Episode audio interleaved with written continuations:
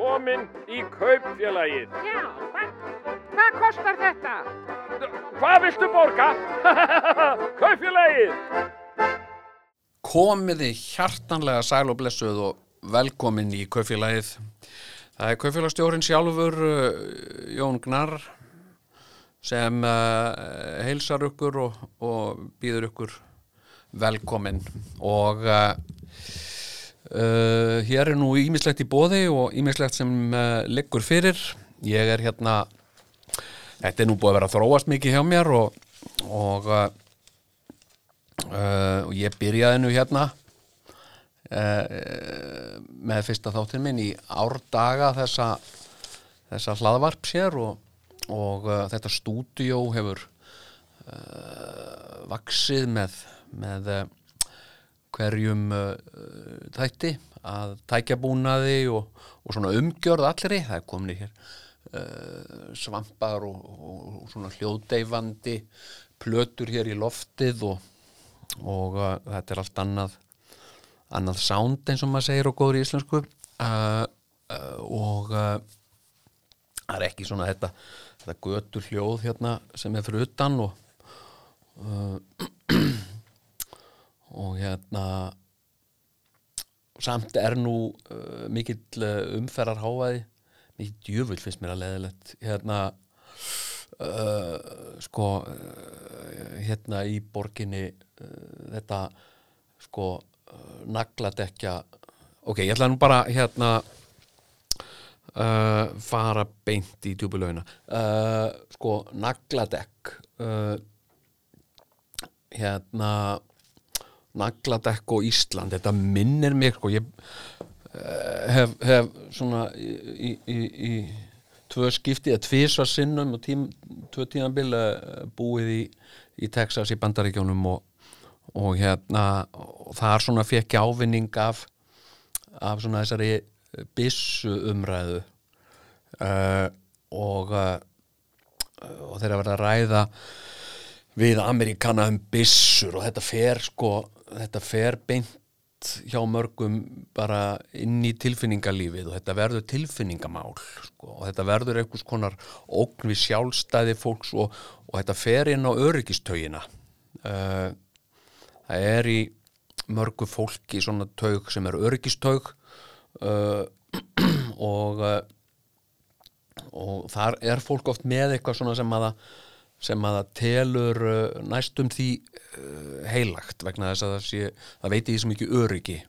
Og, og gjarnan er þetta uh, falst öryggi eða, eða mjög vand með farið öryggi eða miskilið öryggi. Og, og það er þannig með byssurnar og, og hérna og þetta er bara svona líka þetta á sér djúpa rætur í menningunni í bandaríkjónum mjög mörgum og svona sérstaklega á sömum svæðum svona afskektari svæðum eins og, eins og uh, í Texas til dæmis. Uh,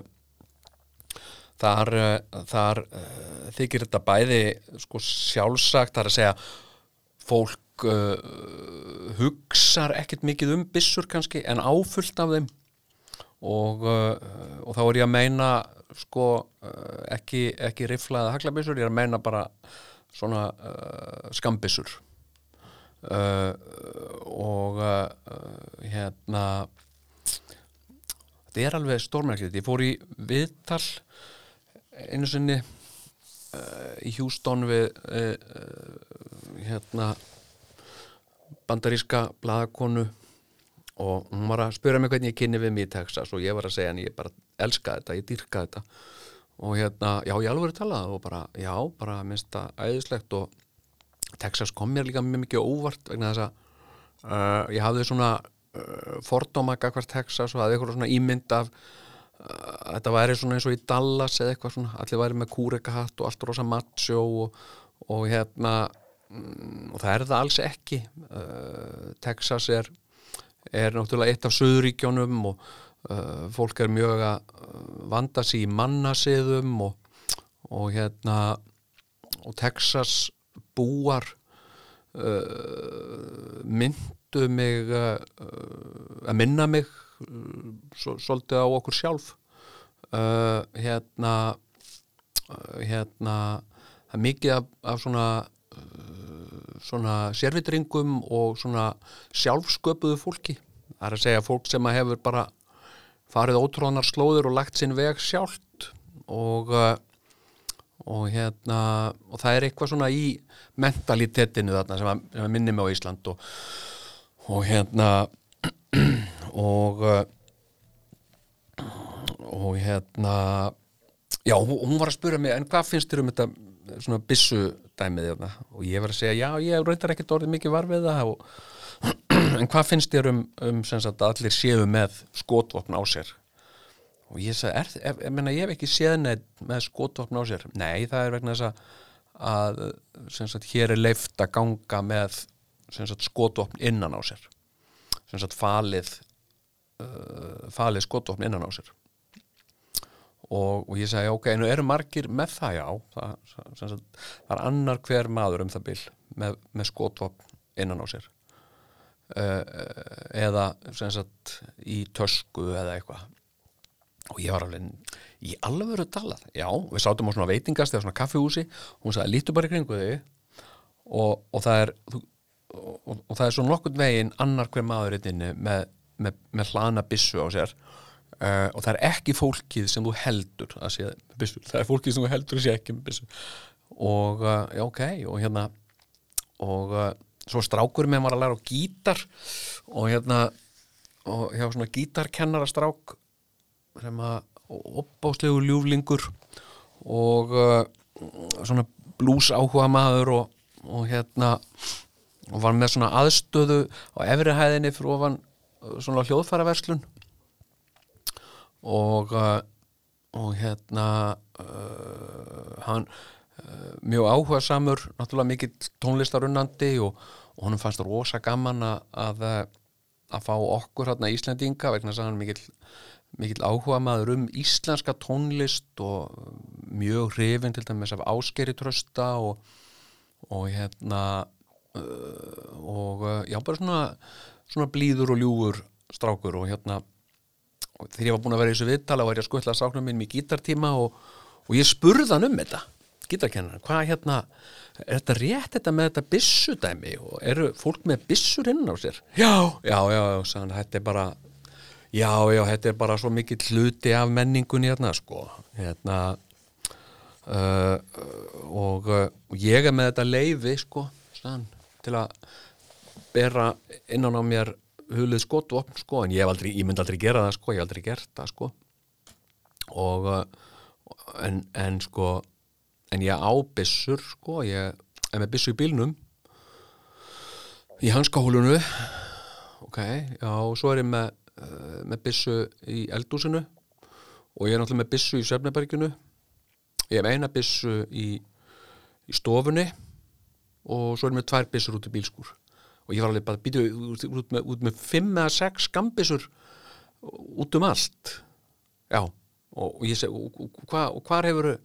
hvar hefur fengið þetta fyrir að kaupir þér reglulega á tvekkjára fresti nýja skambissu eða? Nei bara æ nei þú veist ég bara hérna uh, sko þegar ég keitt með bíl uh, þegar ég var eitthvað 18 ára þá uh, gaf pappi mér svona gömlu byssuna sína til að hafa í nýja bílnum. Og ég bara já ekkert mál og bara hérna hún er búin að vera í hans skálunu bara á bílunum mínum alltaf. Þetta er bara svona bílabissan mín og uh, síðan þegar við sagt, hjónin uh, geftum okkur íbúð þá fengum við skambis við innflutningskjöf þetta þykir bara svona sjálfsagt. Og uh, og hérna og, og fara svona að ræða við þetta sko sérstaklega að maður er með fordóma gagvart bissum eða, eða finnst þetta finnst þetta eitthvað svona skrítið, þá fara þeir mjög gjarnan í vörn sko, af því að maður er ekki bara ráðast á sko uh, á bissurnar þeirra og þá hættu sem skapast af þeim, maður er, maður er að ráðast á sjálfsmynd þeirra og, og, og, og maður er að sagt, auðra öryggistöginni þannig þannig að og það þýðir ekkit að tala við fólk. Uh, ég þekki það bara af uh, lífsreynslu, það þýðir ekkit að að tala við fólk ef það er að ef, ef því finnst sko öryggistöginni sinni ógnað. Það, það er ekkit mikið að hlusta á það sem er verið að segja við það sko. Það er meira bara að hugsa um öryggistöginna sína. Og uh, þetta er svolítið sama með nagladekkin hérna á Íslandi. Að uh, sko uh, þegar einhver svona umræða fer af stað um nagladekk að þá er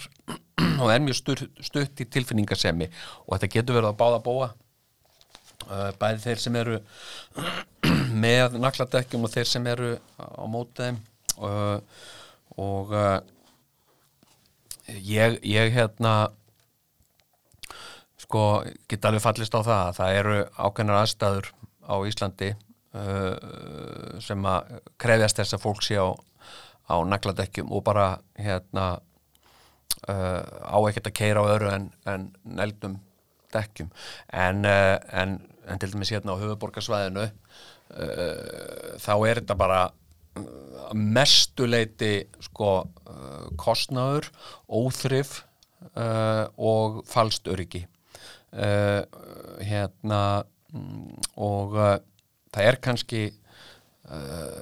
hálka einhverja tvo, þrjá daga í upphafi vetrar og uh,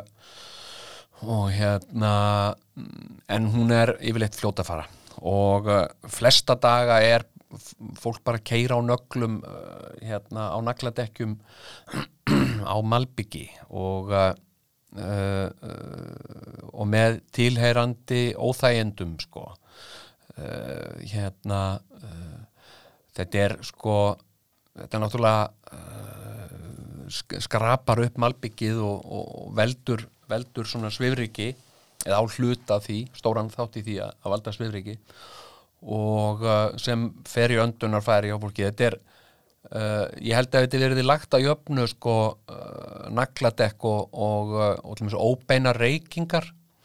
Uh, þá, uh, þá held ég að nagladekkin sko séu ekkit síður verri heldur en óbeina reykingar. Jafnvel töluvert verri, ég veit, ég veit að samt ekki. En eitthvað svipað sko. Og uh, og svo er hávaðin frá þessu. Þetta er svakalegur umferðar hávaði frá, uh, frá bílum. Uh, uh, hérna uh, kona mín er að vinna í skeifunni með, með vinnuðastöð þar. Og, uh, og bara sitja allum inn í hjá henni, það er mikil umferðarn í skeifunni. Og þetta er bara þetta er svona Æ, finnst stundum eins og ég sé að hlusta bara á einhvern svona gnýsta tönnum í svefni, sko. Þetta er bara svona, þetta er svona uh, miljanda háfaði og, uh, og fólk er ennþá uh, uh, hérna trillandi hér um á nagladekkjum og, og uh, lögreglan hefur nú verið sko uh, mjög eftirlátsöm hefur mér fundist og mörgum við fólk varandi nagladekk og hérna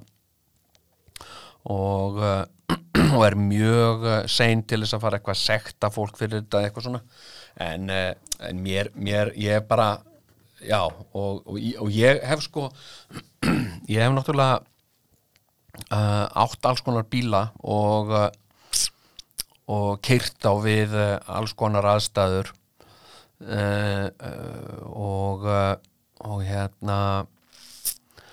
og ég sko keirði bara, bara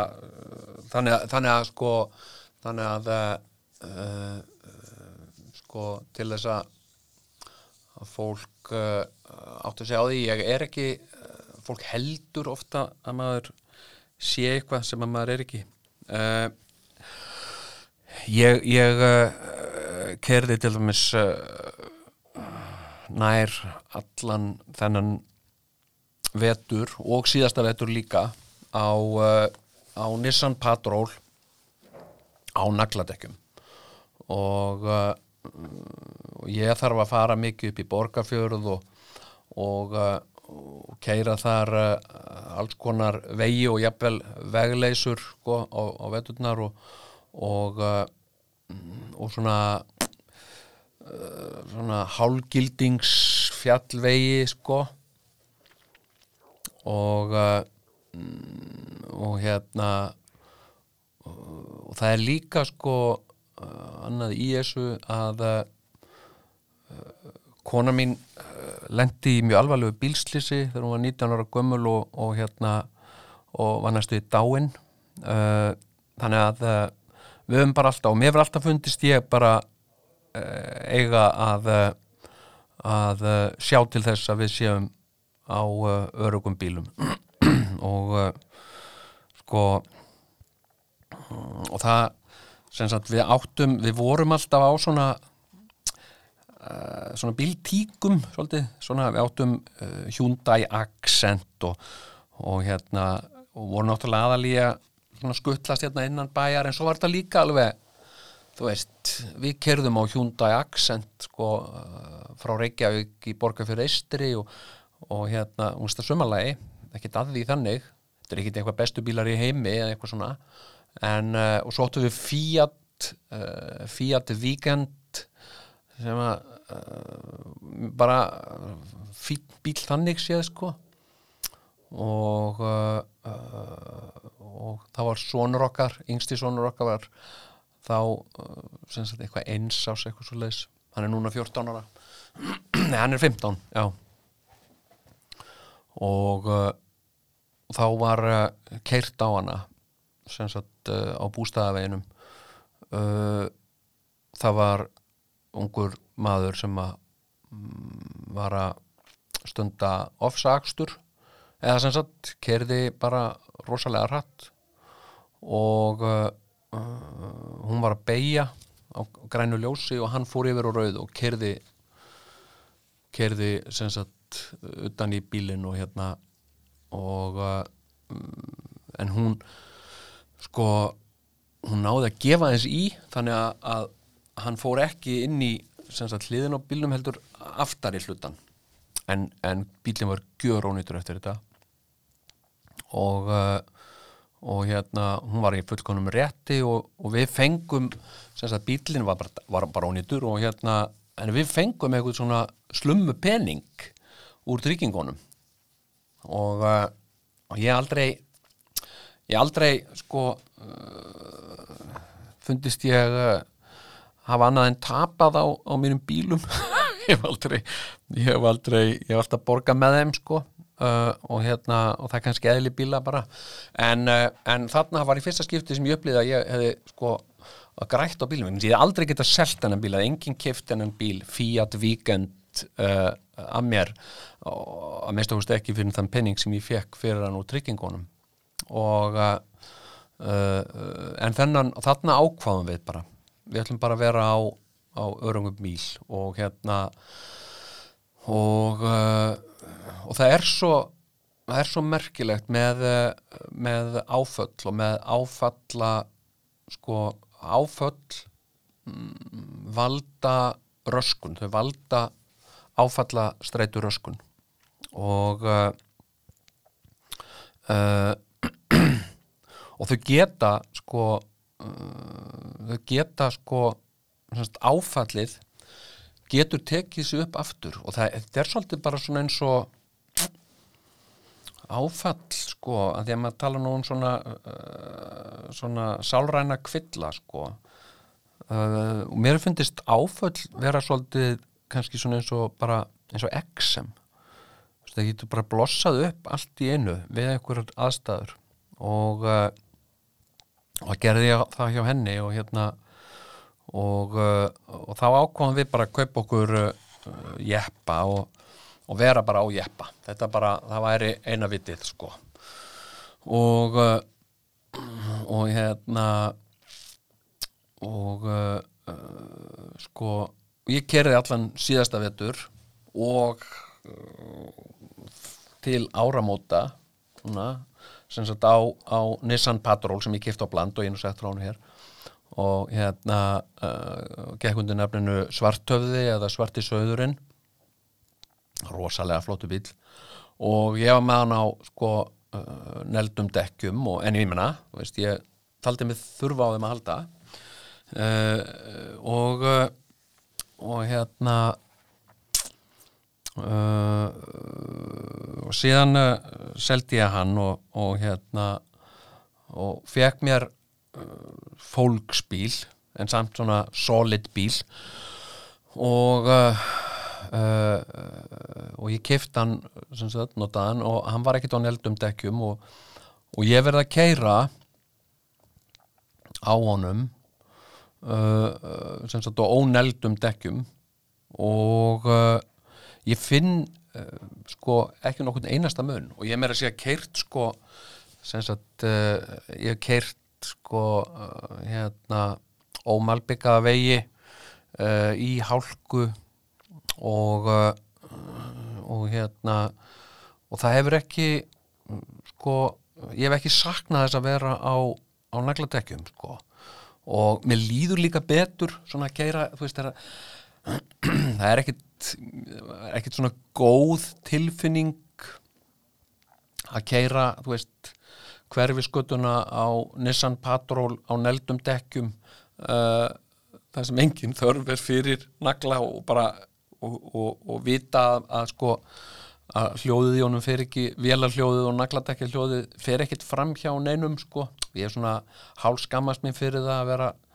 vera auka við svifrikið og svona uh, uh, en, uh, en hérna og, uh, og þetta var líka bara svolítið svona uh, peninga ákvörun sko að ég ákvaða bílinn minnir á einhverju svona sem, sem kalla svona heilsárstekk og uh, og uh, uh, og ef, að- ef að það er hálka eins og allumis uh, uh, hálka á vesturlandsveginum þá bara keri ég hægar. Ég, ég hef aldrei lendið í einhvern veginn að þurfa að stoppa eða, eða uh, trista mér ekki til þess að keira því ég sé ekki á neldum dekkjum. Ég hef aldrei lendið í því sko. Og ég held að mjög mikið að fólki sé að uh, sko uh, bara, bara fara á neldekk í hugsunarleysi. Ég held að bara það ekkit, það pælir ekkit sérstaklega í því sko. Uh, hérna bara nú er nú komið haust og þá setjum við bílinn á nagla já, uh, en á móti uh, sko veit ég að það er alveg fullt af fólki sem tekur meðvitað ákvörðun um það að, að, að fara á nagla þess að telur sig þurfa að vera á neldum dekkjum og og ég skil það alveg líka sko. En ég held að, að meiri hlutin gerir þetta bara hugsunarleysi, vana og vegna þess að heldur það sé eitthvað nátt eitthvað örugara eða eitthvað. Og, uh, og hérna uh, og ég, ég held þetta með sko uh, til dæmis, ég, ég, ég- ég skil það alveg að, að lögreglan og, og, og sjúkrabílar og slökkulisbílar og svona á vettunar sé á neldum dekkjum. Mér finnst það bara, finnst það bara algjörlega uh, sjálfsagt. Uh, vegna þess að veist, þetta eru fólk sem þarf að keira hratt og, uh, og hérna uh, og hefur ekkit efni á því að þú veist, hæja á sér að því að, að því að það er ekki á neldum dekkjum. Uh, en ég held að svona við flest minnst að kosti uh, hérna hér á höfuborgarsvæðinu við, við höfum lítið sem ekkert við nagladekk að gera. Og svo en, síðan er líka bara orðið svo mikið fínt frambóð af uh, sko dekk. Í dag er ekkert eins og dekk voru í gamla dag uh, það, það er svo mikið frambóð af uh, mögnuðum vetrardekkjum sem að hafa gríðarlega gott grip uh, sko án þess að vera neld. En, uh, en hérna en ég hef ekki ákjörða því hér inni vegna þess að uh, hér heyrist ekki neitt vegna þess að við erum búin að einangra svo vel en uh, já, það er nú svona ímislegt uh, búið að vera að gerast í mínu lífi og ímislegt sem ég langar að, ræða um. Og náttúrulega stórmerkilegi tímar sem að sem að við höfum verið að gangi í gegnum og og hérna og ég, ég var að átta með á því bara í vikunni að uh, ég, ég fæ yfir mig svona ég fæ yfir mig eitthvað svona COVID-kviða uh, uh, sko og þetta er svona ef ég, ef ég uh, dett á mikið honni fréttir eða samfélagsmiðla þá, þá bara þá hætti mér til þá, þá, mér, mér bara líður ekki vel sko. þannig að ég hef verið bara svona draga úr draga úr því þeirri, þessari neysluminni á upplýsingum og uh, og hérna uh, hérna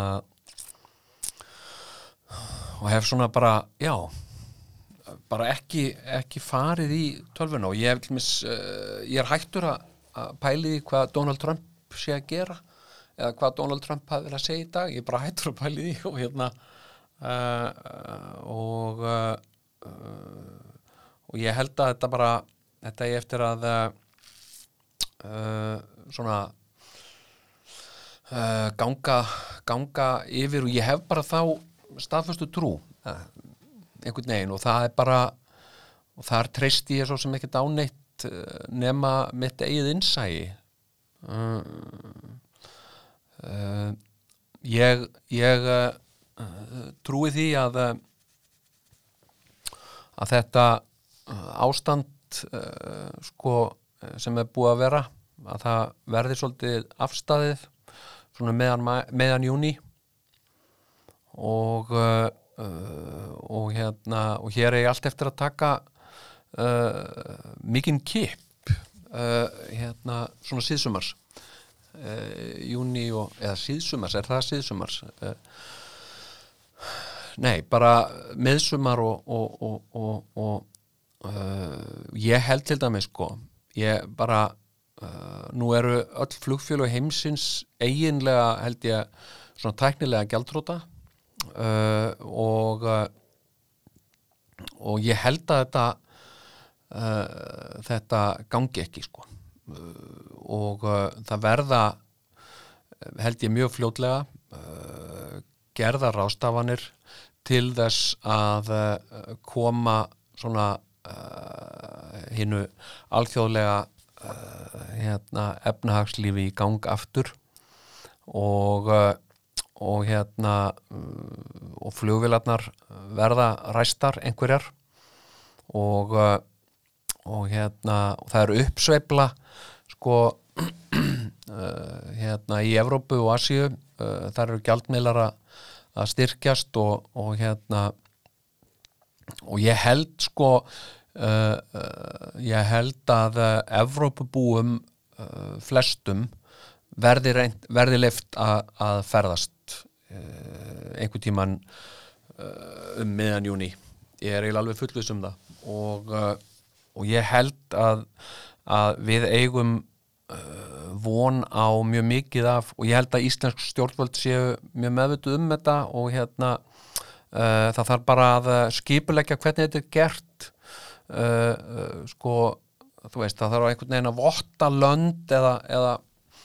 eða hérna koma upp einhverju systemi sem að, uh, getur díla við þetta. uh, þar að segja uh, ferðamenn og, uh, og, og líka sko ég á mikið að vinum í Evrópu, bæði Frakland og Þískalandi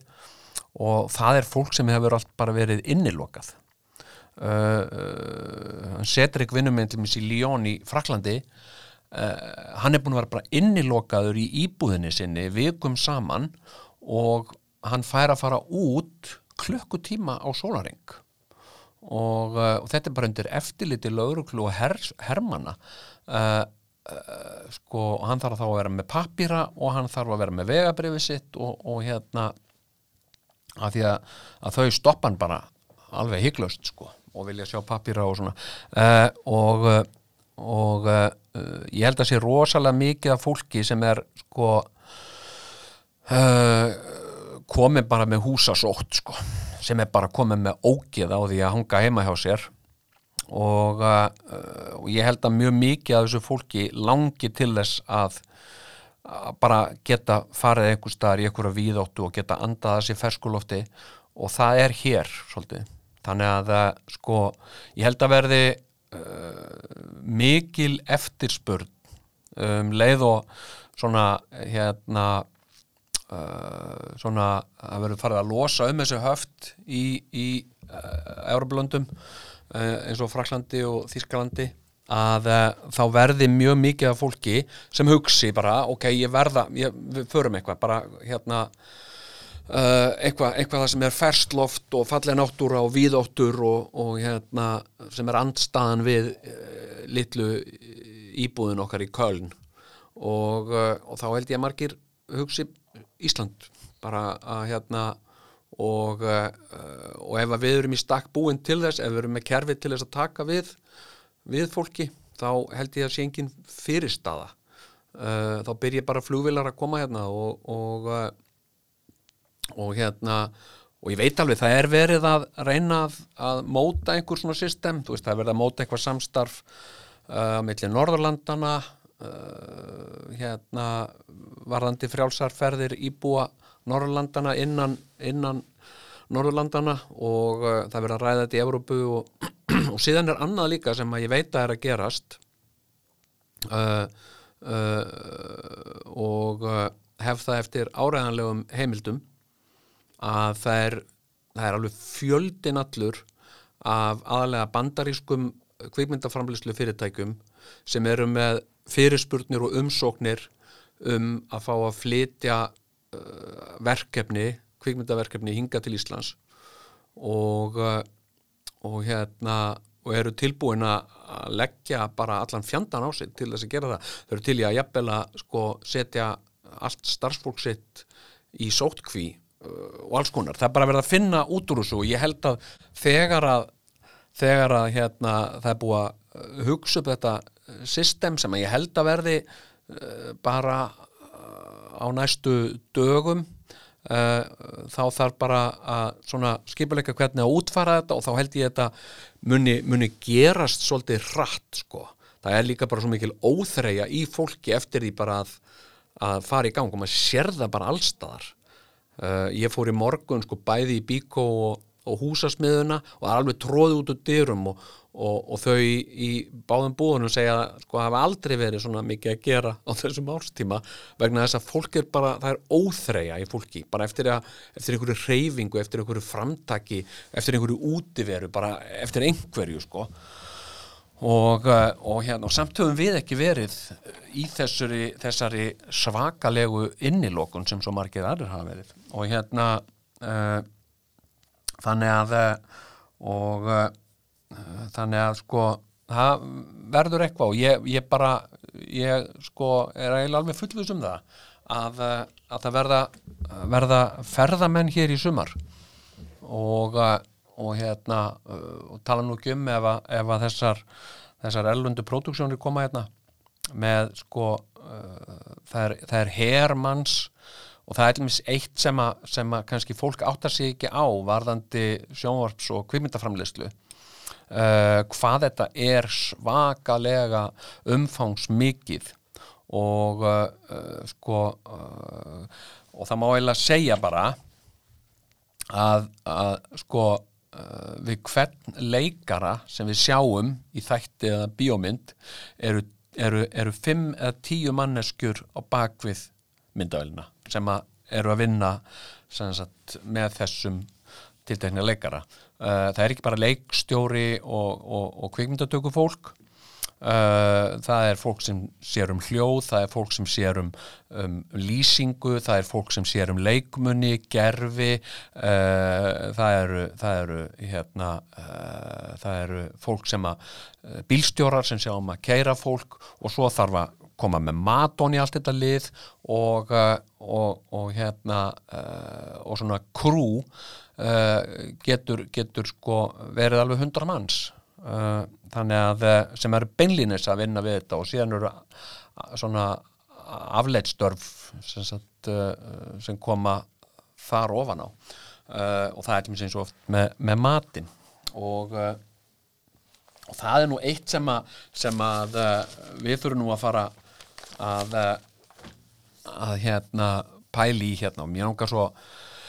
mér langar svo að gera að sérstöku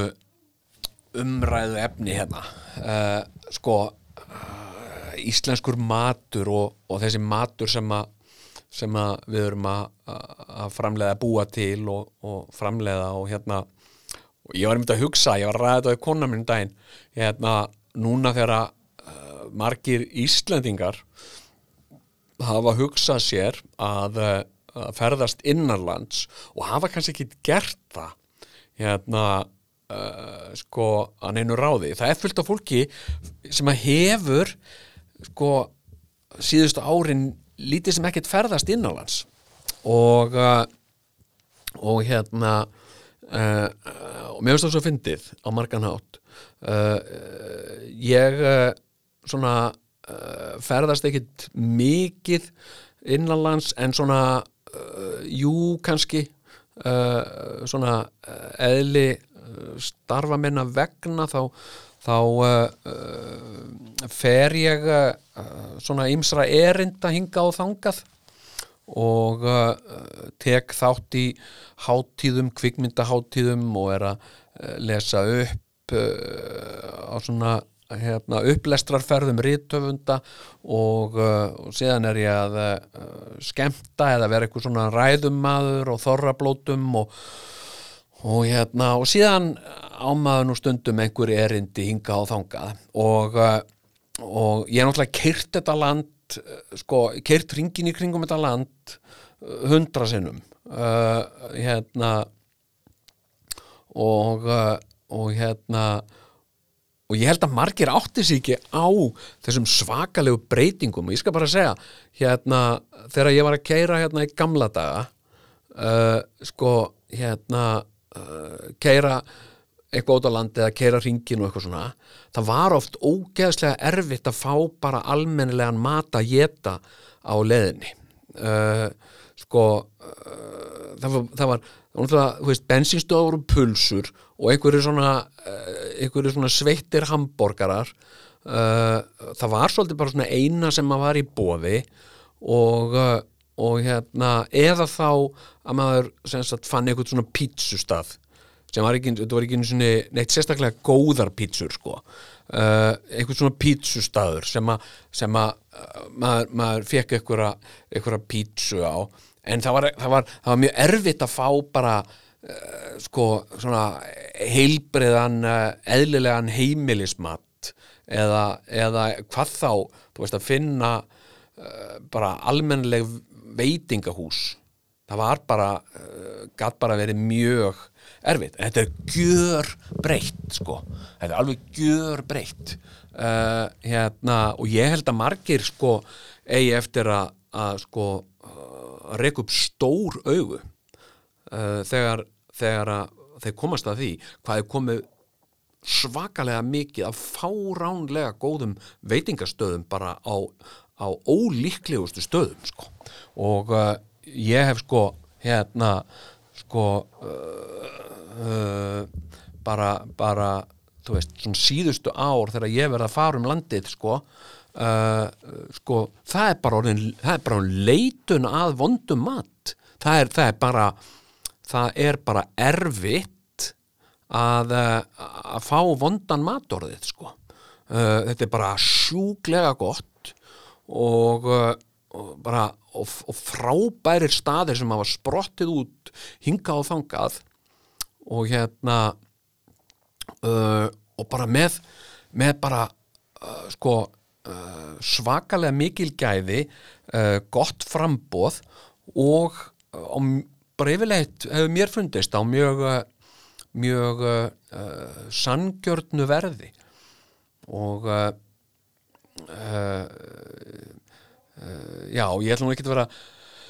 fara, fara að telja upp einhverja staði sko, öðrum fremur uh, og þá líka gleymi öðrum en bara, bara hvetja fólk til þess að til þess að að,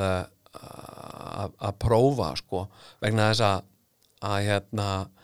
það er bara sko uh, já, ég var allir ég var á upplestrarferð fyrir bara þremur, fjórum árum. Eða ég það, það er ekkert að marka þegar ég segi svona sko, ég segi eitthvað um daginn og þá var það ég hitti fyrra sko. Uh, og ég segi fyrir þremur, fjórum árum þá getur það að verið fyrra, það getur líka að verið fyrir fimm árum, af því að uh, ég hef ég hef bara, ég hef skert tímaskinn og uh, og hérna sem sagt uh, já, ok, fyrir einhverjum árum síðan þá var ég á upplestrarferð með nokkrum rittöfundum uh, fyrir austan. Og og hérna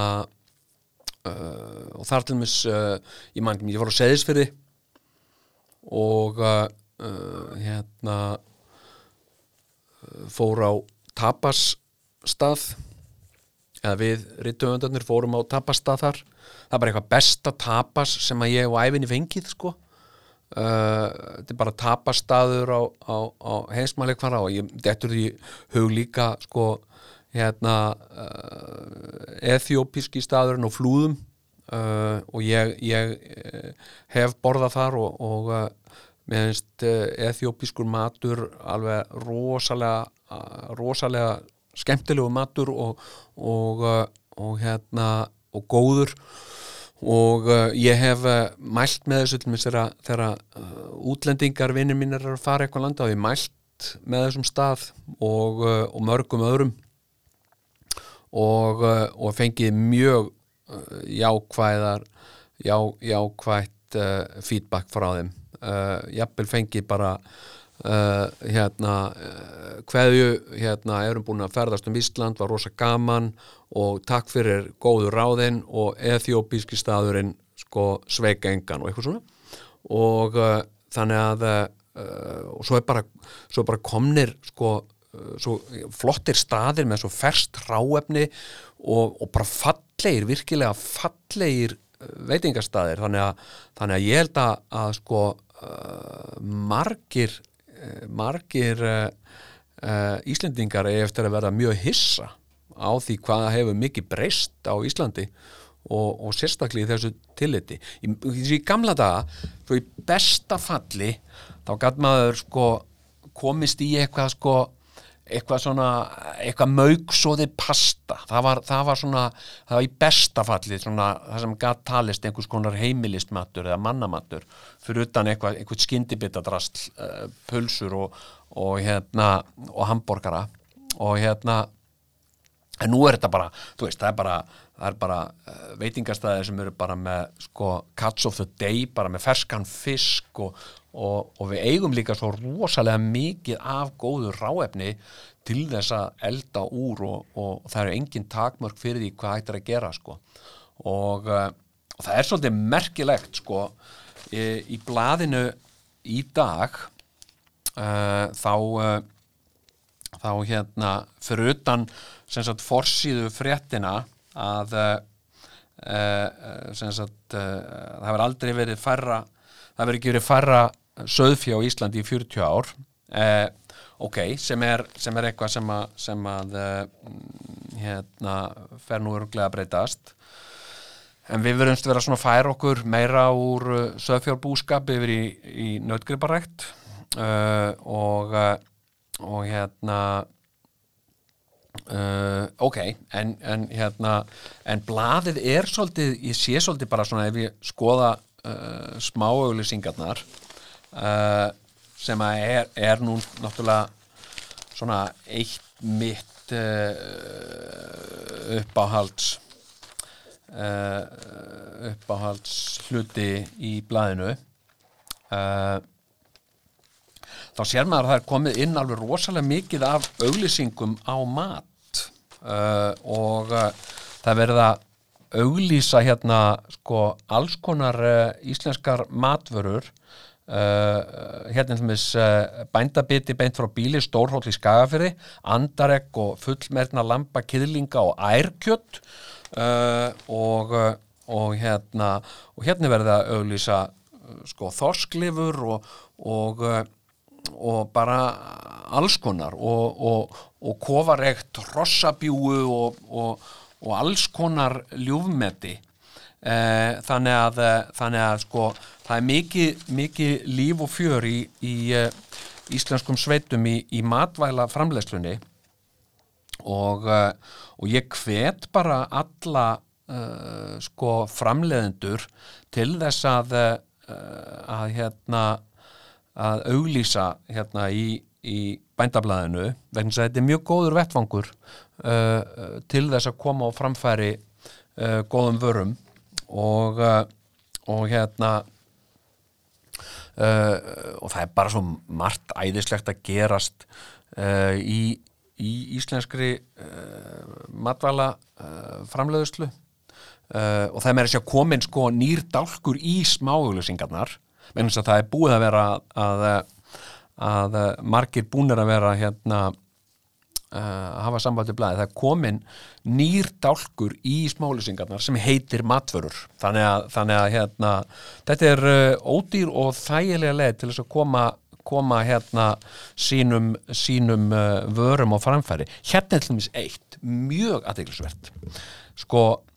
hérna breyðdalsbytti framleiður vörur úr breyðdælsku ráefni svo sem ærberjasnakk fjallakæfu og lambabekonkæfu án allra rótvarnarefna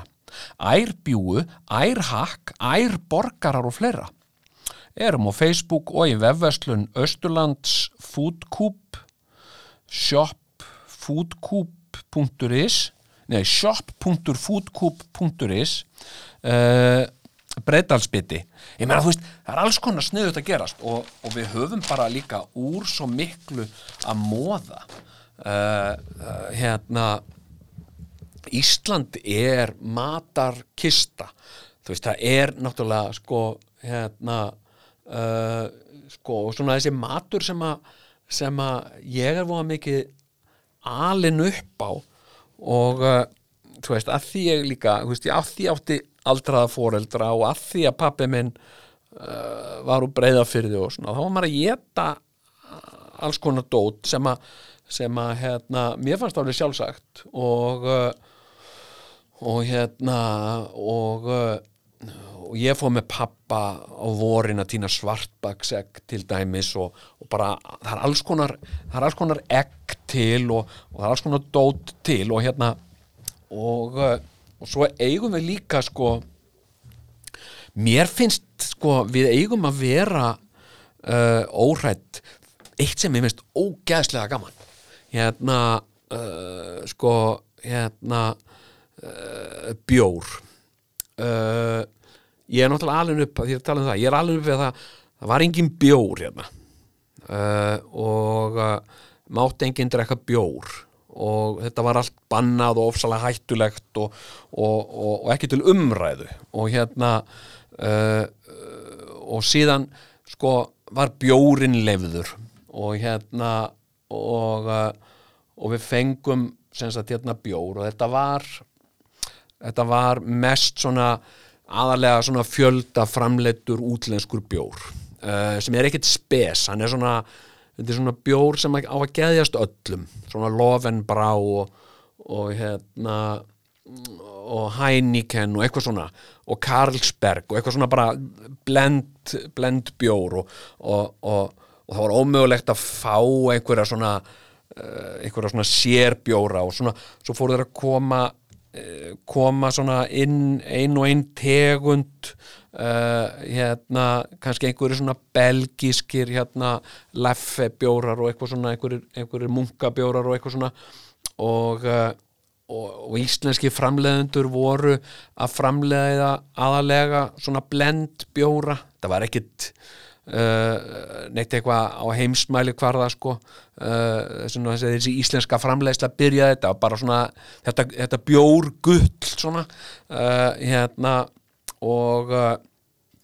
en síðan gerðist eitthvað og ég veit ekkert hvað það var. Ég, ég bara fylgist ekki með því sko. Nema það bara spruttu upp út um allt land alls konar hérna, bjórbíli og bjórframleðsla og, og hérna og, uh, og þar finnst mér uh, fólk hafa gjarnan verið mjög hugmyndaríkt og, og og uppáttækja samt í að framlega alls konar skrítnar uh, hérna uh, bjórdegundir og, hérna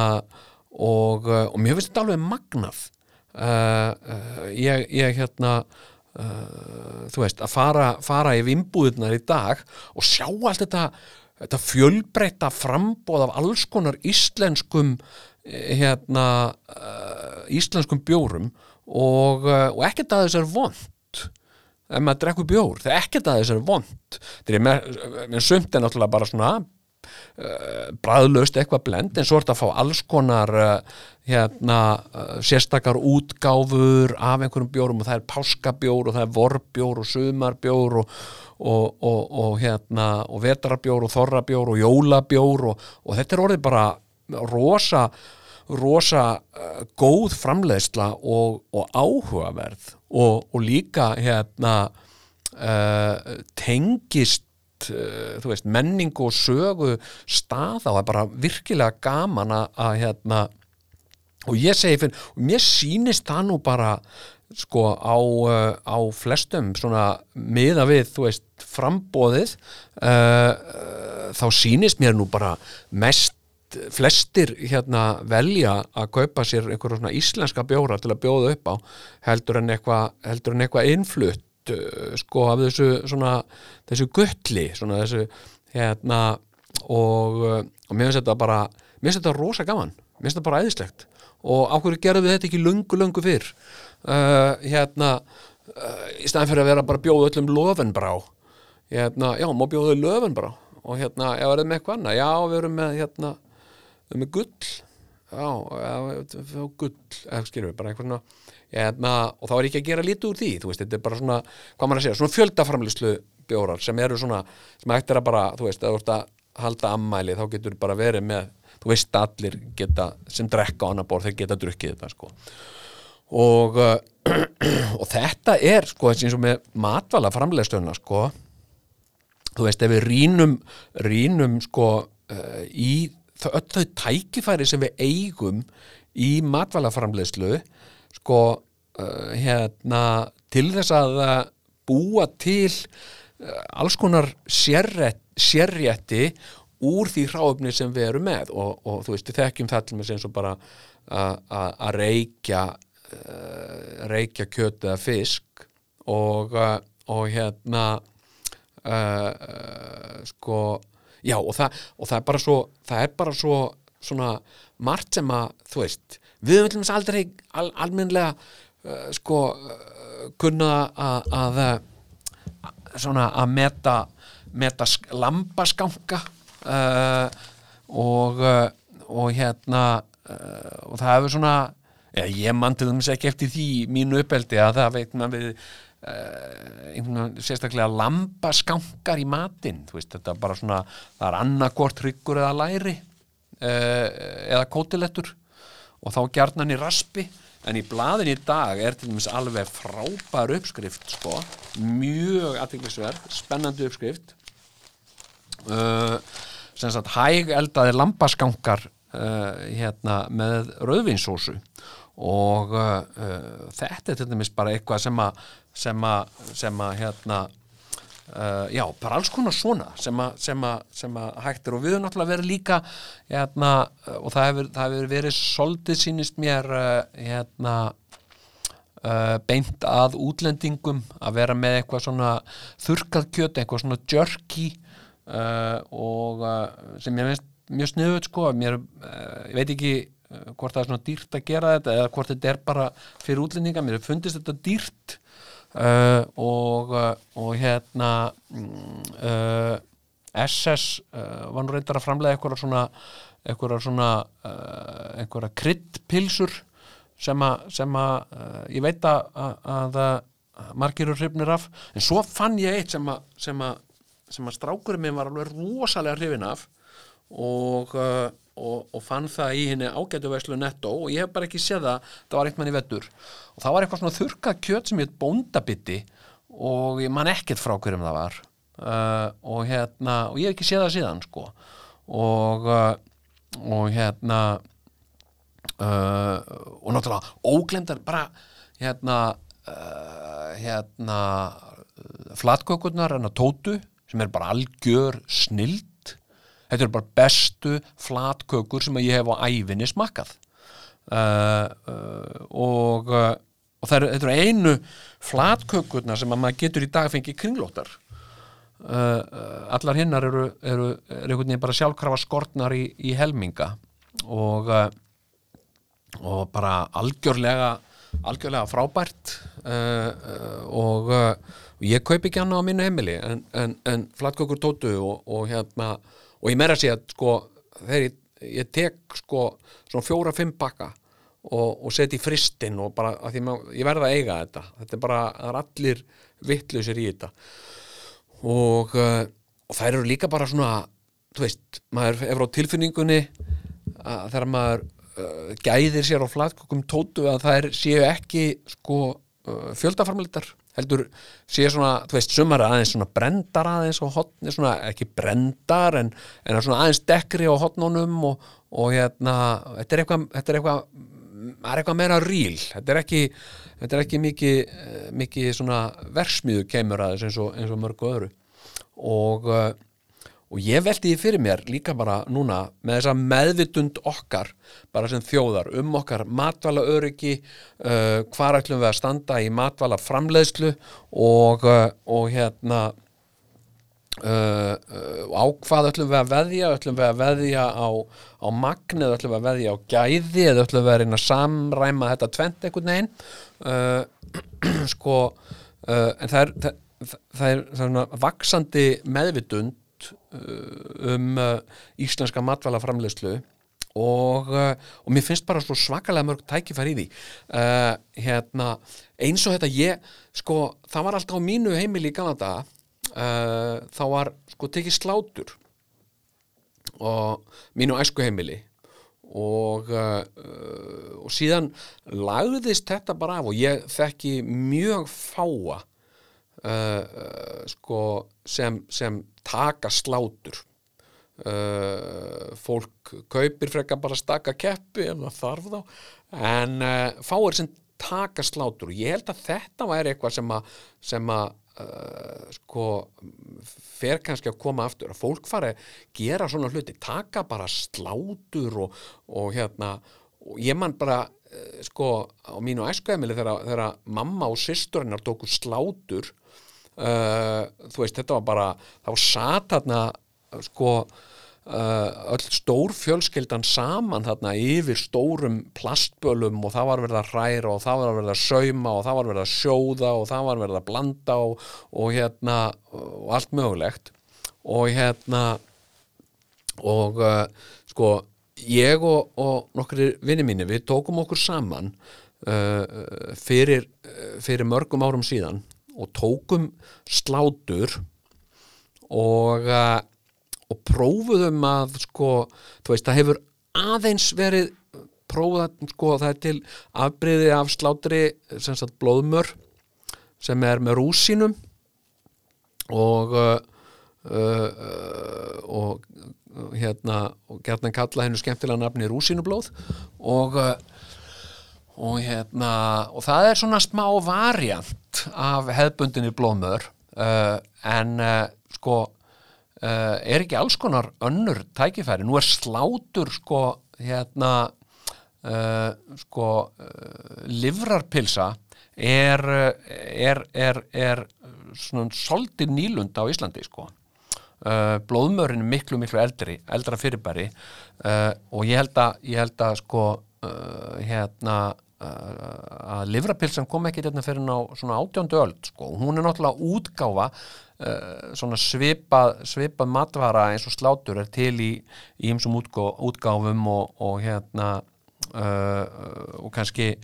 þekktast að dæmið er, er haggis, þetta skoska. Og og hérna uh, en sko uh, við eigum bara svo mikið af alls konar og ef að fólk skoðar til dæmis uh, innihaldsefnin í haggis að, að þá eru þau önnur en í livrapilsunni og, og hérna þú veist, gætum við, gætum við fara að gera svona, okkur getum við ekki þú veist framleitt líka haggis, var ekki alveg hérna markaður fyrir það? Og, og hérna uh, og uh, og síðan bara prófa okkur áfram með þú veist chili slátur og, og, uh, og hérna einhver, einhver, einhver kryddslátur og, og bara, bara alls konar sko. Þa, það er bara uh, það er engin, uh, engin takmur fyrir því hvað hva hægt er að gera sko. ég veit ekki hvað hva, hva, markaðurinn segir, ég veit ekki hvað ég myndi prófa, ég myndi ekki híka við að, að tjekka á því. Uh, þegar ég sé svona uh, sé svona eitthvað eitthva nýstárlegt og frumlegt þá, þá er ég alveg, alveg uh, alltaf spendur sko. Og, og ég, ég áttaði mig á því sko þegar ég var hérna ég leka einu svona í, í, í kvikmynd sem að ágættir í kvikmynd sem hétt maður eins og ég. Og uh,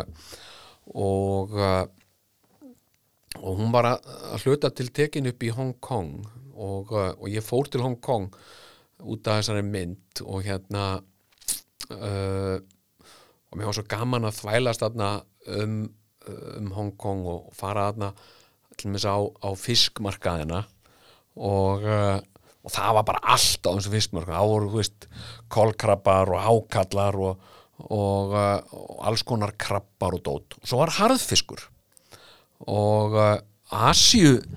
Asíu þjóðir uh, sko borða mjög mikið harðfisk. Það er að segja þurrkaðan fisk og hérna og uh, uh, og það er hægt að fá það, það er leitun að því en það er hægt að fá svona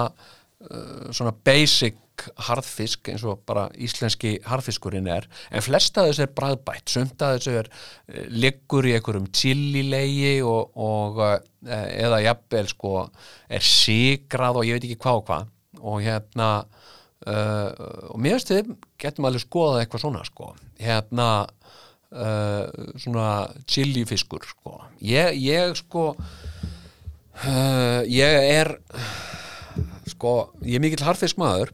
og uh, uh, og ég vel steinbít uh, svona uh, sko steinbítur uppáhalds svo þoskur og, og ef ég ef ég, ef ég annað býðst ekki þá er að ísa. Uh, hérna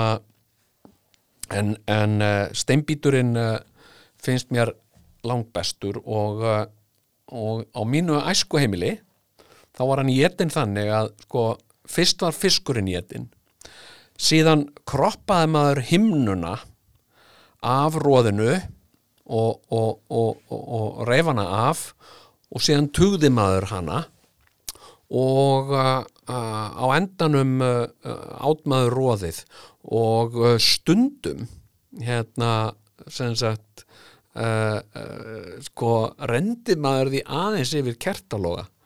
sem sagt róðinu að maður áta og hérna uh, þetta var nú siður á mínu heimili. En uh, já, þetta er bara ótrúlega spennandi tímar uh, og uh, og hérna og uh, uh, mikið, mikið sniðugt sem að sem að á eftir að koma út úr þessu öllu sem hann held ég. En sko ég hérna já, síðan, síðan er það sko sko, hérna annað, eitt sem að ég hef verið að átta með á því að, að sko með okkur með okkur Íslendinga með okkur, ja, með okkur Vesturlandabúa sko þetta þetta uh, COVID-dæmi ef að, ef að mú segja hafi eitthvað uh, jákvætt komið út úr því uh, hérna, og það mun hafa ímsar uh, uh, svona uh, jákvæðar afleðingar held ég. Uh, og við munum til dæmis sko þetta er að hafa mi- mikil áhrif á bara gildismatu okkar. Við erum að, við erum að uh, kunna að meta betur hluti sem við kannski kunnum ekki svo vel að meta áður. Eða einhvern veginn höfum, höfum glemt að meta. Og uh, sko ég, þú veist, ég held að, að hérna að uh, þú veist, við höfum eftir að kunna að meta það að þú veist bara, bara taki hendina á, á öðru fólki sko. Tala nú ekki um að taka utan um fólk uh, hérna uh, og þú veist, þetta er búið að vera uh, þetta er búið að vera mjög sérstætt nú hef ég verið sko meðan á þessu COVID dæmi stóð uh, þá þá uh, sko voru nokkur döðsföll uh, hérna í nágrinni við mig og hérna það var mjög sérstætt sko að þú veist hitta fólk sem er að syrgja og allir standa svona með þú veist 2-3 metra á milli sín og uh, gráta. Og hérna uh, og hvað margir, hvað við höfum mista miklu að fá ekki að taka utan um hvert annað. Og uh, ég held að við bara með eftir að meta það uh, betur þegar að þetta er afstæðið. Og uh, og hérna það er svona ímislegt sko, það er nú gammalt íslenskt uh, orðtak sem segir uh, engin veit hvað átt hefur fyrir mist hefur. Og, uh, og hérna og, og það er rétt. Og og við eigum þetta þetta dásamlega land okkar og öll þess gæði Ei- við eigum þetta land með segjum með uh, kostum þess og göllum uh, og uh, og hérna uh, já en sko uh, við vorum við vorum bara ákveðin hátt sko orðin bara dekadent. Hérna sko mm, vegna þess að við erum fann að taka hlutum sjálfgefnum sem að eru alls ekki sjálfsæðir sko. eins og allir að geta, geta, bara flóið til Marokko sko, fyrir minni penning heldur en að fljúa til Ísafjörðar sko. uh, við vorum farin að taka svona hlutum bara sem sjálfgefnum og að uh, hérna fá eitthvað uh, sko hérna já, við vorum svona svona svolítið degruð og kröfuhörð mörg á okkur og ég eh, er engin, engin sko uh, undantekning þar frá. Ég hérna og ég, ég velti svona fyrir mér svona mínum, mínum sko mínum uh, eigin gjörðum sko og svona væntingum það sem mér fannst sjálfsagt og eitthvað svona og, uh, og nú finnst mér margt af því bara svona mm, smá dekadent sko. Hérna uh, sko hérna og, og hérna og, og svona þetta með ferðafrelsið og, og, hvað maður er að borga fyrir hluti og svo framvegis og svo framvegis. En, uh, en hérna uh, og ég held að þetta svona gildismátt okkar eftir að breytast mikið, við eftir að bara læra betur að meta það sem við eigum og, uh, og, og gæði þess sem við eigum. Ég, svo ástu mjög margir uh, og uh, sjálfur er ég að, að að upplifa það. Til dæmis eins og, eins og sko já, hérna uh, til dæmis, að ég, ég fór bara að hugsa þú veist eins og þessi krafan um, um krafa um lífrænt. Hérna sem sagt að, að, að, að sem sagt hluti séu lífrænir. Uh, hérna sko margt af því sem að sko nú, nú er þessi lífræna vottun hún er uh, hún er svolítið uh, hún getur verið svolítið flókin. Og og hérna og hún er ekki alveg sko samræmt sko hérna allstaðar það er ekki sama vottunin allstaðar og svona. Uh, og einhvern veginn að, að, að geta vottað hluti lífrænt eða eitthvað svona. Sannleikurinn er bara sá að mjög mikið af þessu 80 hérna, em, bara mest af með mikið af íslensku mat er alveg 80% bara lífrætni í eðli sínu vegna þess að uh, það er bara eðli máls vegna. Uh, og, uh, og hérna uh, sko þó það sé ekki beinlinis sko vottað uh, sem lífrænt þá, þá, þá er það það og, og svo er það bara líka með með sko um, íslenskan mat að sko það er sko uh, kólefnis sporið það er að segja að, að þetta er ekki matur sem er búið að, að sigla og fljúa með yfir halvan heiminn heldur er þetta bara hérna matur sem var framleitur hérna í næstu sveit. Og, uh, og hérna og mér finnst það skipta meira á máli, það skiptir mig meira og meira máli að uh, hlutir komi úr mínu nærum hverfi en, uh, en hérna en kannski voru við líka bara svona svolítið degruð og uh, og hérna en uh, mm, já, ég, það er nú svo margt svona sem að, sem að hérna, ég ætla nú bara að vaða úr einu í annað, mér finnst það nú alltaf gaman sko. Uh, hérna láta bara uh, móðan mása og hérna uh, sko já, ég hérna já, ég sko samfélagsmiðlar. Ég, ég uh, hef nú svona hætti eiginlega bara á Facebook uh, fyrir nokkur síðan og dettar stundum inn, þú veist, ef ég þarf að atu eitthvað eða eitthvað sérstatt það er eitthvað svona grúpur stundum eitthvað á Facebook sem að ég þarf eitthvað að sækja upplýsingar í og svona. En, en hérna ég verið svona virkari á, á Twitter og og og hérna uh, og svona samt hefur sko Twitter hefur verið svona æ, þetta hefur verið svona uh, svona uh, jákvæðu miðl það er svona þetta er svona á léttum nótum svona stuttum hnýðmiðum, léttum nótum og uh, allir svolítið svona uh, grallara spóar hérna og, og, uh, og ég hef verið svona grallara spói og stundum hef ég verið fílukall uh, og uh, ég fílupúkast og hérna og ekki hefur það skánað með COVID-19 uh, hérna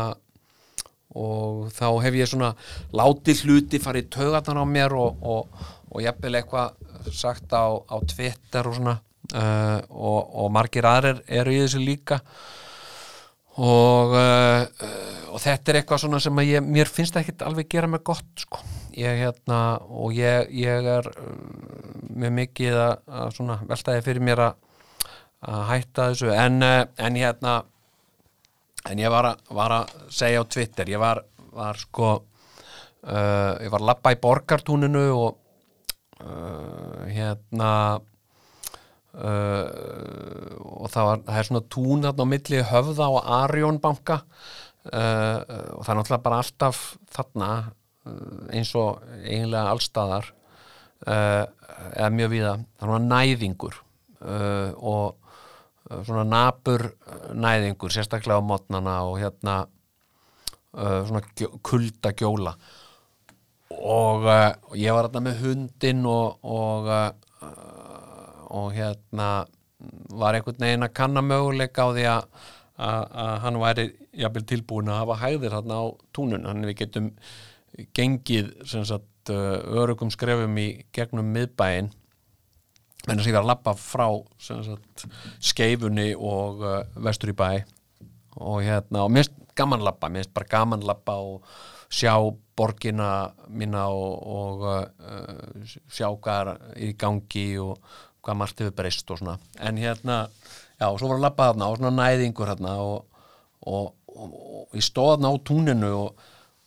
mér var bara kallt og hérna þannig ég lappaði þarna sem sagt að standa þarna nokkur grenitré bara fjögur, fimm grenitré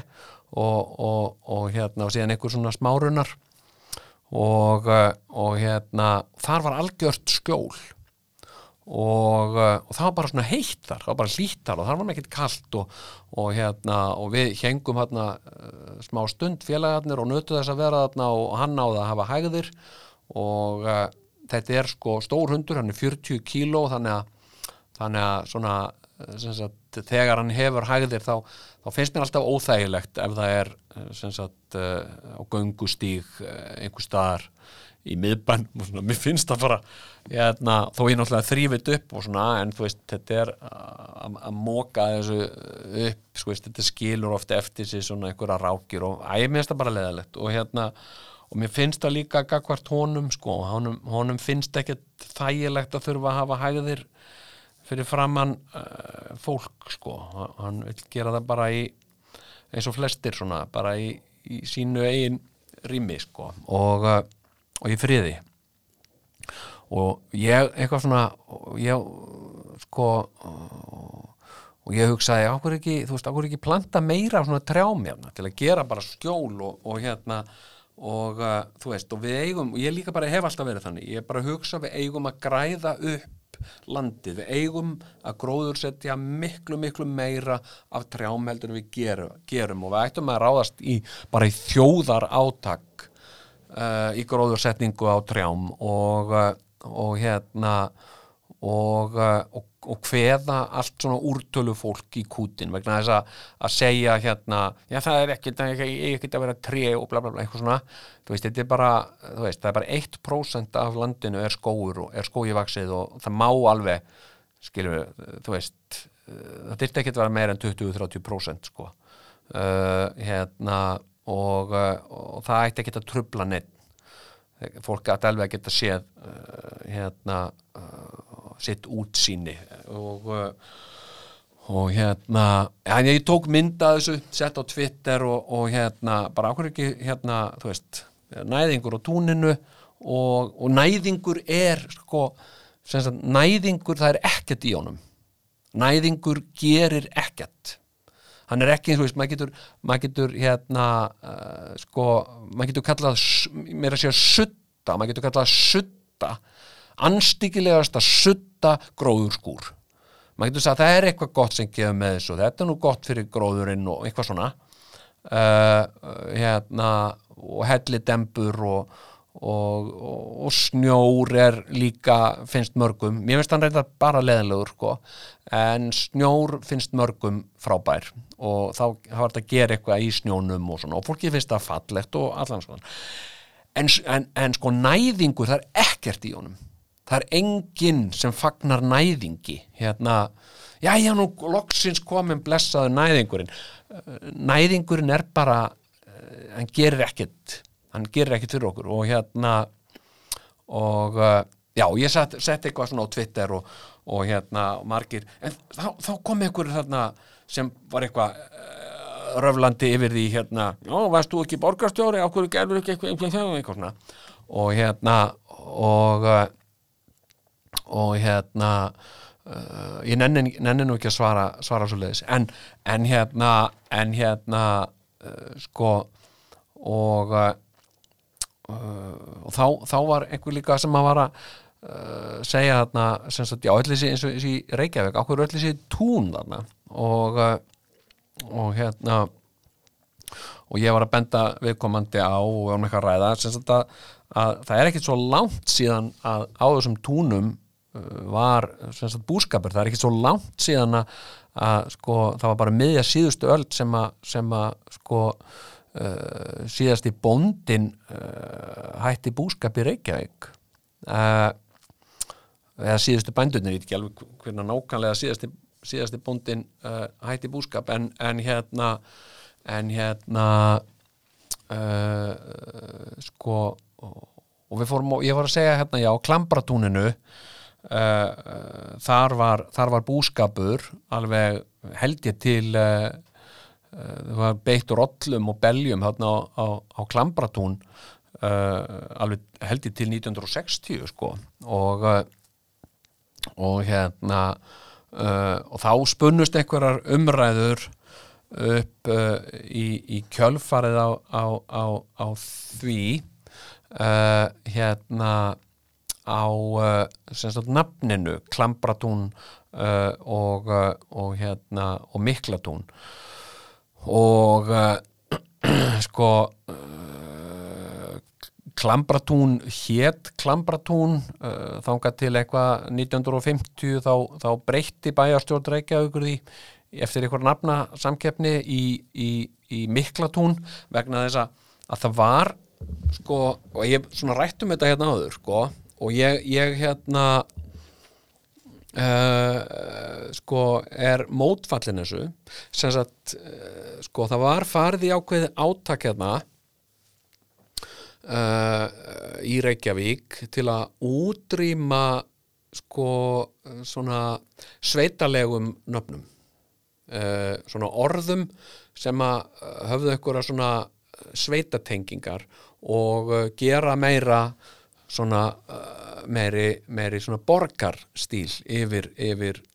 yfir svona uh, götuheitum og, og nöfnum á stöðum og svona. Þetta átti að vera eitthvað svona eitthvað nýtt og modern og aftengt þessu sveita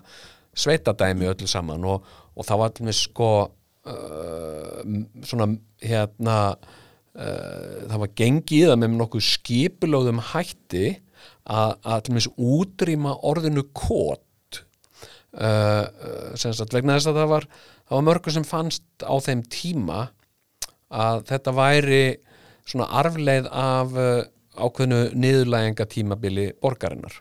Uh, þegar það voru mörg uh, kotbíli í Reykjavík og það var náttúrulega þannig að Reykjavík byggðist mjög mikið upp af, uh, af fátæku fólki sem raktist hingað uh, og vegna þess að, uh, einhvern veginn afkoma þess uh, brást. Það sem það bjó og, og hérna og, og ég held dæmis að, að, að móður amma mín og afi með minnir að ég hafi þau hafi flust til, til Reykjavíkur eftir Suðurlandskjálftan og þau, þau byggu í, í hérna í kotbíli sem hétt Eivakot. uh, Eivakot uh, uh, var held ég á Stokkseri Stokkseri eða Eirabakka og það var svona kotbíli, svona hjálega. Og, og með minnir að það hafi verið ástæðan fyrir því fluttu vegna þess að þetta var, uh, þetta var hérna uh, svona steinbær og uh, svona kotbíli. Og, og hérna hrundi í skjáltanum og, og í staðin fyrir að fara í einhverja opbáslega uppbyggingu og hvort sem er í hjálegu sko á, á, á annara manns eignalandi að þá, þá ákváðu þau bara að, að hérna, leita fyrir sér í Reykjavík. Þannig að það var mikið af, af, af fólki sem kom hérna sem, sem, sem uh, byggði sér einhver kotbíli hér og, uh, og hérna uh, og það eru mörg hverfi í Reykjavík sem að, sem að heita eftir sko uh, eins og grjótaþorpið. Já, sagt uh, uh, og grjótagatan og grjótaþorpið í, í, í kvosinni. Sko er nefnt eftir bæ sem stóð þarna sem hétt grjóti. Og uh, og maður getur svona sem ímynda sér að ég hef nú ekki uh, séð neina lýsingar á þeim bæ, ég manna það ekki. En, en hérna en það, maður getur ímyndið sér að það hafi verið svona kotbíli sko, einhver svona, einhver svona hlaðið úr grjóti. Og uh, og uh, og þessu, þessu var svolítið markvist útrýmt uh, hérna og uh, og uh, sko svona kotnöfnunum að, og það voru búin til ný nöfn sem að þóttu svona glæsilegri heldur en kot og í rauninni gekk þetta allstaðar í gegn nema hjá, hjá lekkonum hérna katholikkonum uh, í landakott af því að þeir voru náttúrulega útlendingar og, og þeir tóku ekki þátt í þessu. Uh, þannig að sko uh, landakott er bara eitt að fáum sko kotnöfnum sem, sem eftir eru í Reykjavík. Og svo var annar bær það er annar hverfi, skuggakverfið uh, hérna uh, fyrir neðan hverfiskötuna milli hverfiskötu og, og skúlagötu. Uh, hérna skuggakverfið og það var bær sem að stóð þar sem að hétt skuggi. Og, og, og kannski svona í gegnum, gegnum þetta hafa bæjanöfnin lifað. Uh, en, en ég komst að því sko, ég bý uh, hérna uh, bý sko á Marargötu sem er, sem er bakvið landakotspítalan og uh, og hérna uh, og ég var að garfa í svona eldgömlum kortum af Reykjavík og þá stóð þarna bær uh, sem að mér finnst eitt bara indislegasta bæjarnafn. Uh, sko hérna sko sem að sem að ég hef heyrt og, og uh, ég áreindar eitt uppáhaldsbæjarna uh, hérna og það er Valshamar uh, hérna Valshamar var eyðibíli sem, sem stend, er eyðibíli sem stendur stendur sem sagt beint á móti sko bæð sem ég var á Sveiti í Geiradal fyrir vestan sem heitir Stekjarholt og, og sem sagt hinum einn í, í Geiradalnum uh, stendur valsamar og ég, þetta er eitthvað fallegasta bæjarstæði sem að, ég hef séð á Íslandi. Uh, og ekkert margir sem að uh, hafa séð það kannski einhverju sem keira þetta eða, hérna og uh, og hérna og mér fannst þetta og ég, mér, þetta, þetta er svo greift inn í vitund mína stundum dreymir mig valsamar og ég stóð náttúrulega oft á hlaðinu stekkjarholti sem batn og, og horfið þarna yfir. Og, og mér fannst þetta bara eitthvað svo rosalega fallegt. Og hérna og, og svo tignalegt nafn valsamar uh, og það er hérna gríðarlega uh, hérna uh, mikill klettur, mikill fjall hérna og, skriða uh, svona stórskriða sem að, sem að liggur hérna bak við bæin, þetta er rosa fallegt. En, uh, en hérna en já, en sem sagt það stóð hérna kotbíli sem að mér finnst uh, jafnvel sko fallegra heldur en, heldur en valsamar hann bleið stóð þarna bær sem að hétt skakkakott og einhver staðar þarna sko, einhver staðar þarna sem bílastæðið fyrir aftan aftan landakotspítalan er núna. Og, uh, og hérna þetta, þetta það er búið að sko það er búið að afmá svona, já, kotbílin og, og hérna og það var farið sko markvist í að svona endur skrifa svolítið söguna eða ímyndina á, á Reykjavík og, og hérna uh, og það hafa til dæmis sko verið, verið framinn ákveðin ákveðin skemdarverk í, í skjóli uh, sko haksældar og, og framkvæmda. Og og til dæmis þegar köllunarklettur var, var sprengtur í loft upp við hátilega töfn sko. Þetta náttúrulega e, gerir ekki fólk með fullu viti sko. Uh, tekur, tekur, tekur einhverja, staði sem að eiga sér uh, sögu og, og hérna og sprengja þá í loft upp með dýnamíti sko. Uh, hérna það er bara það er bara kjánar sko. Og vitfyringar eins og, og talibanarnir þeir eru sprengdu hérna bútastitturnar í Afganistan sko. Uh, sem að sko eru minjar sem að voru og ég held að séu ennþá á heimsmínaskrá en, uh, en hérna þannig að það hafi verið framinn menningarleg skemdarverk og mér finnst þetta að hluta til menningarleg skemdarverk uh, hérna að uh, svona uh, endur skýra hluti staði vegna þess að fyrranafnið sé á einhvern nátt ekki töff eða, eða hafi ekki komið til með réttum hættið eitthvað. Og hérna og, og mér dettur í hug til dæmis sko og, og svona götunöfn hérna sem hafa alltaf farið í töðarnar á mér eins og vesturgata og ég talaði með þetta og vesturgata og suðugata mér finnst þetta kjánaleg götunöfn uh, vegna þess að að gata sem liggur í suður hún liggur sjálfkrafa í norður líka. Og ákveð heitur hún þá ekki suðurgata öðrum einn og norðurgata hinnum einn og, og sama með vesturgötu, minnst þetta bara kjánalegt. Og, og vesturgata uh, hérna sko það var þarna stígur áður sem hétt hlýðarhúsastígur og, uh, og hérna af hverju mátti þetta ekki heita hlýðarhúsastígur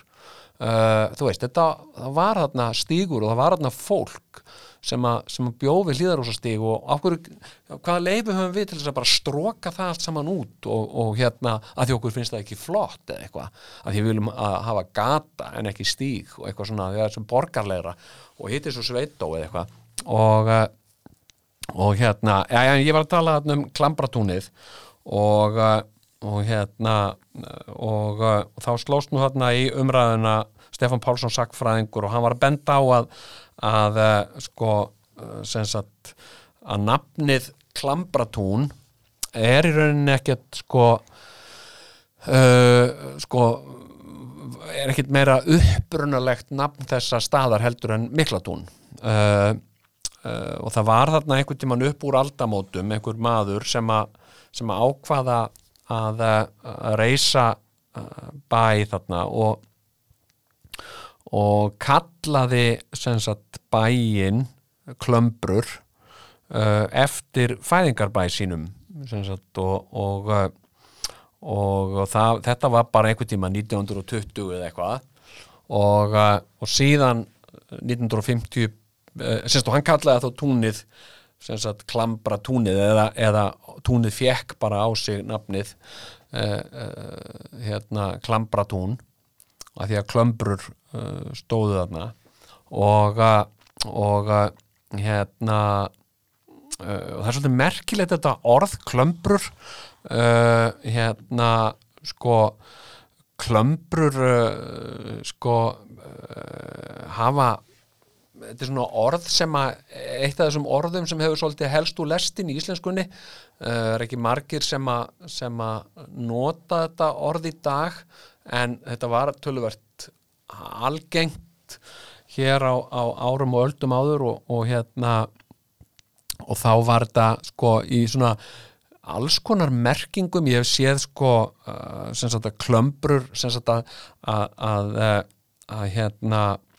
sem sagt klömbrur sé svona sambarlíkt við, við klastur. Það er að segja klastra saman klambra saman uh, einhverju. Það er eitthvað svona sem að sem að uh, svona er ek, smíða korki af, af mikill í kunnáttu eða efnum.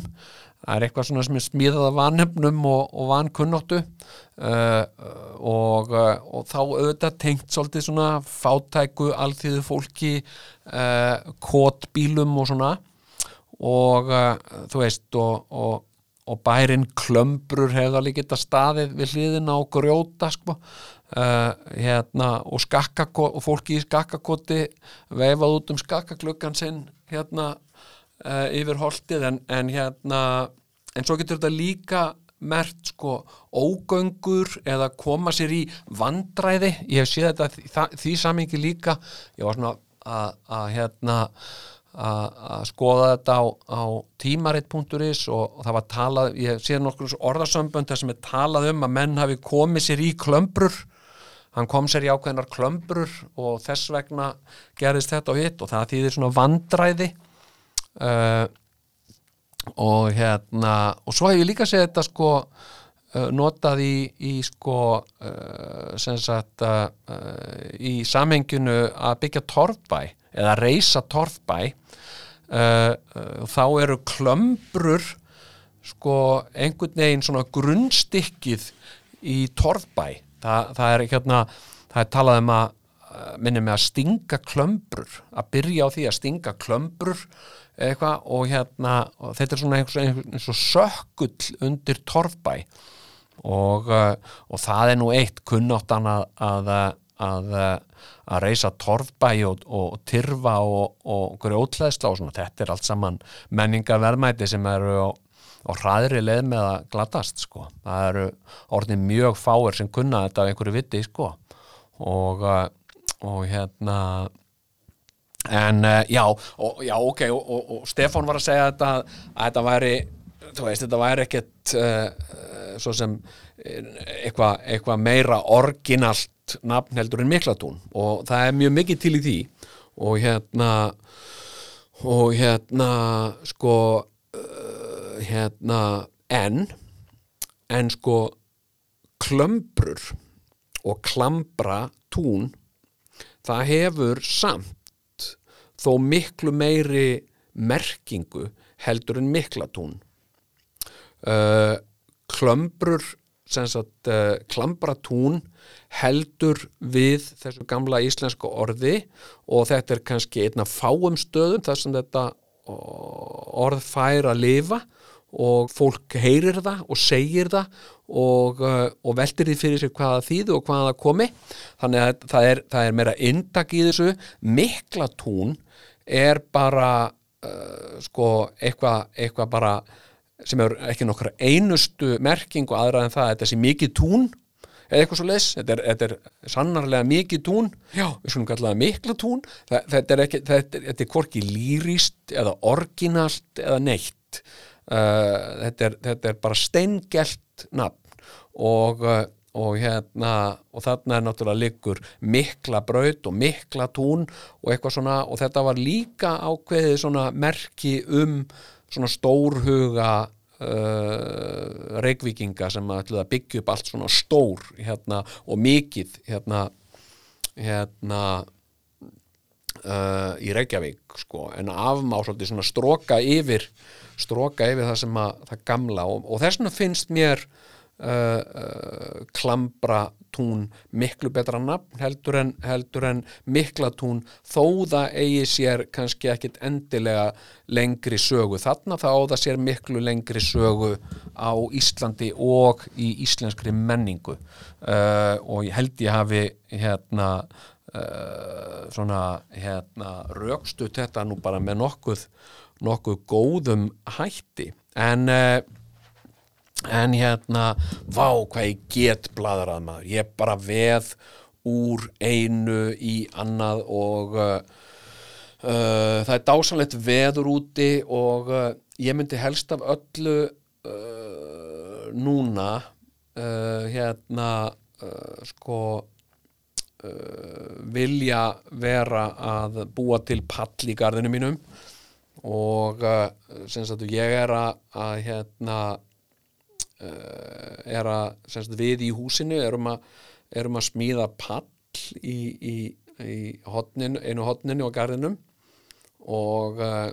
og hérna og ég tekið að mér svolítið uh, svona yfir umsjón með því verki en þess að ég elska að smíða palla og uh, uh, bara fátt veit ég skemmtilegra heldur en sko uh, hérna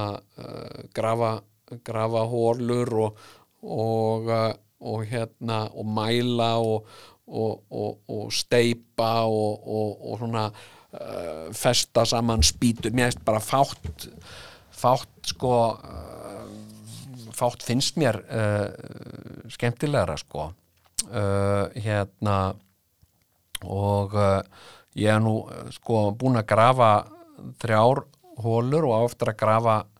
þrjár í viðbót og hérna og uh, þannig að ég myndi mjög gjarnan sko vilja vera dunda það sko núna. En, en hérna en hérna og uh, en uh, ég svík ykkur ekki og hlustendurnar mínar, ég svík ekki mínar hlustendur en en hérna þess vegna kem ég hér og, og geri þáttinn minn þó úti sé glampandi sól og skoblan býði bara uh, spennt eftir mér. Og, uh, og hérna þetta verður alltaf verið óbóðslega góð, uh, gott grín. Fátt finnst mér skemmtilegra en að stríða börnum. Og og hérna ég á að til dæmis uh, fjór ára uh, badnabann hann fálka litla. Og uh, og hérna alltaf þegar hann minnist eitthvað á jólin eða ammælið sitt eða eitthvað svona þá og herbergið sitt að, hérna, að þá tala ég nú um hvað hann vandi í herbergið og hvað hva viltu, hvað langar því og hann langar í eitthvað og hérna eitthvað dót. En ég segi hvað með, en langar ekki að fá einhver fallit blóm til að hafa í glugganum? Og bara sjá svipin á börnum þegar, þegar þau halda manni sé alvara að, að ég ætli að gefa honum eitthvað fallit blóm og hérna og hérna og sín honum púða. Það líka úgeðslega gaman hérna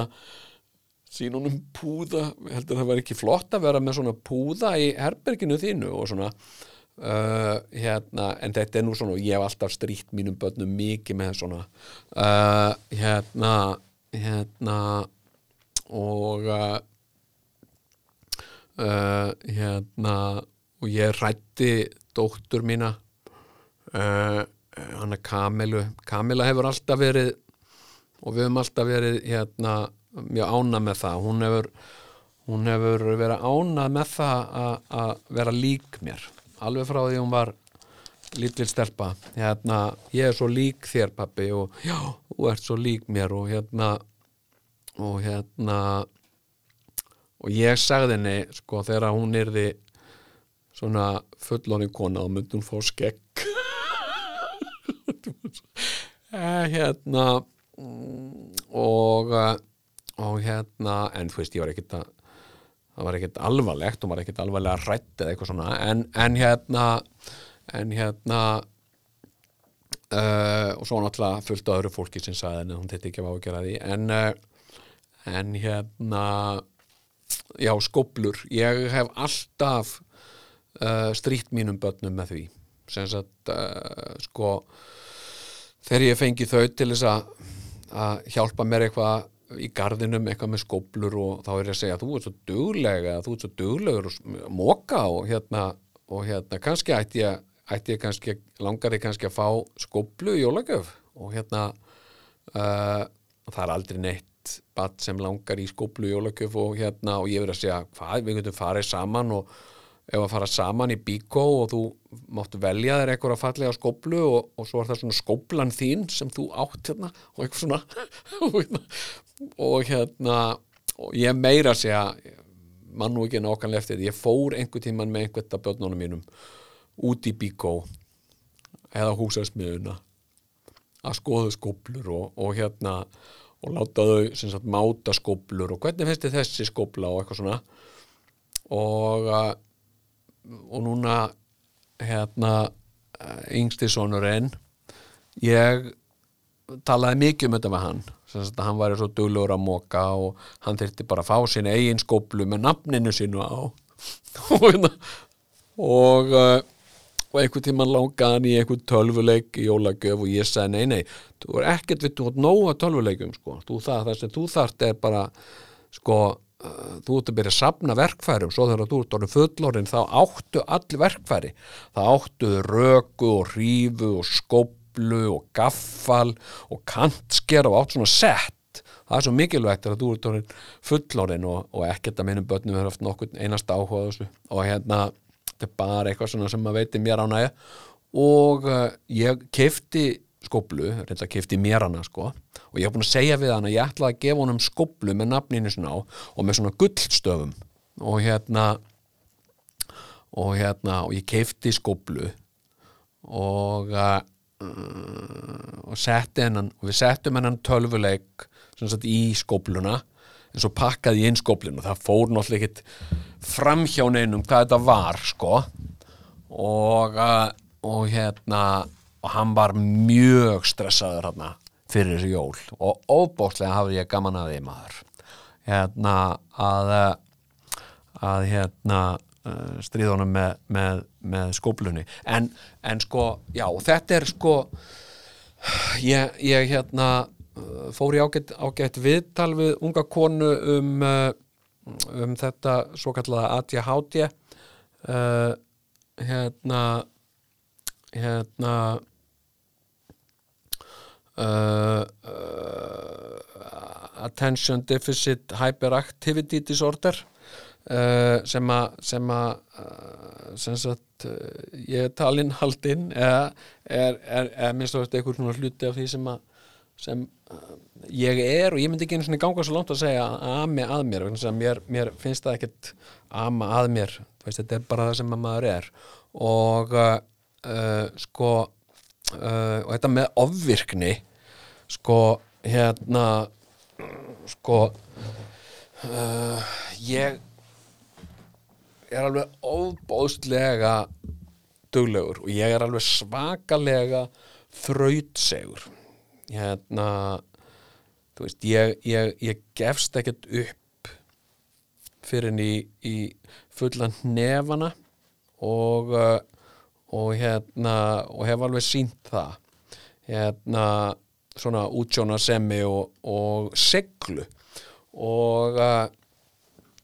og hérna uh, og síðan þetta með að móka sko handmóka með skoblu uh, þetta finnst mér alveg sjúklega gaman sko.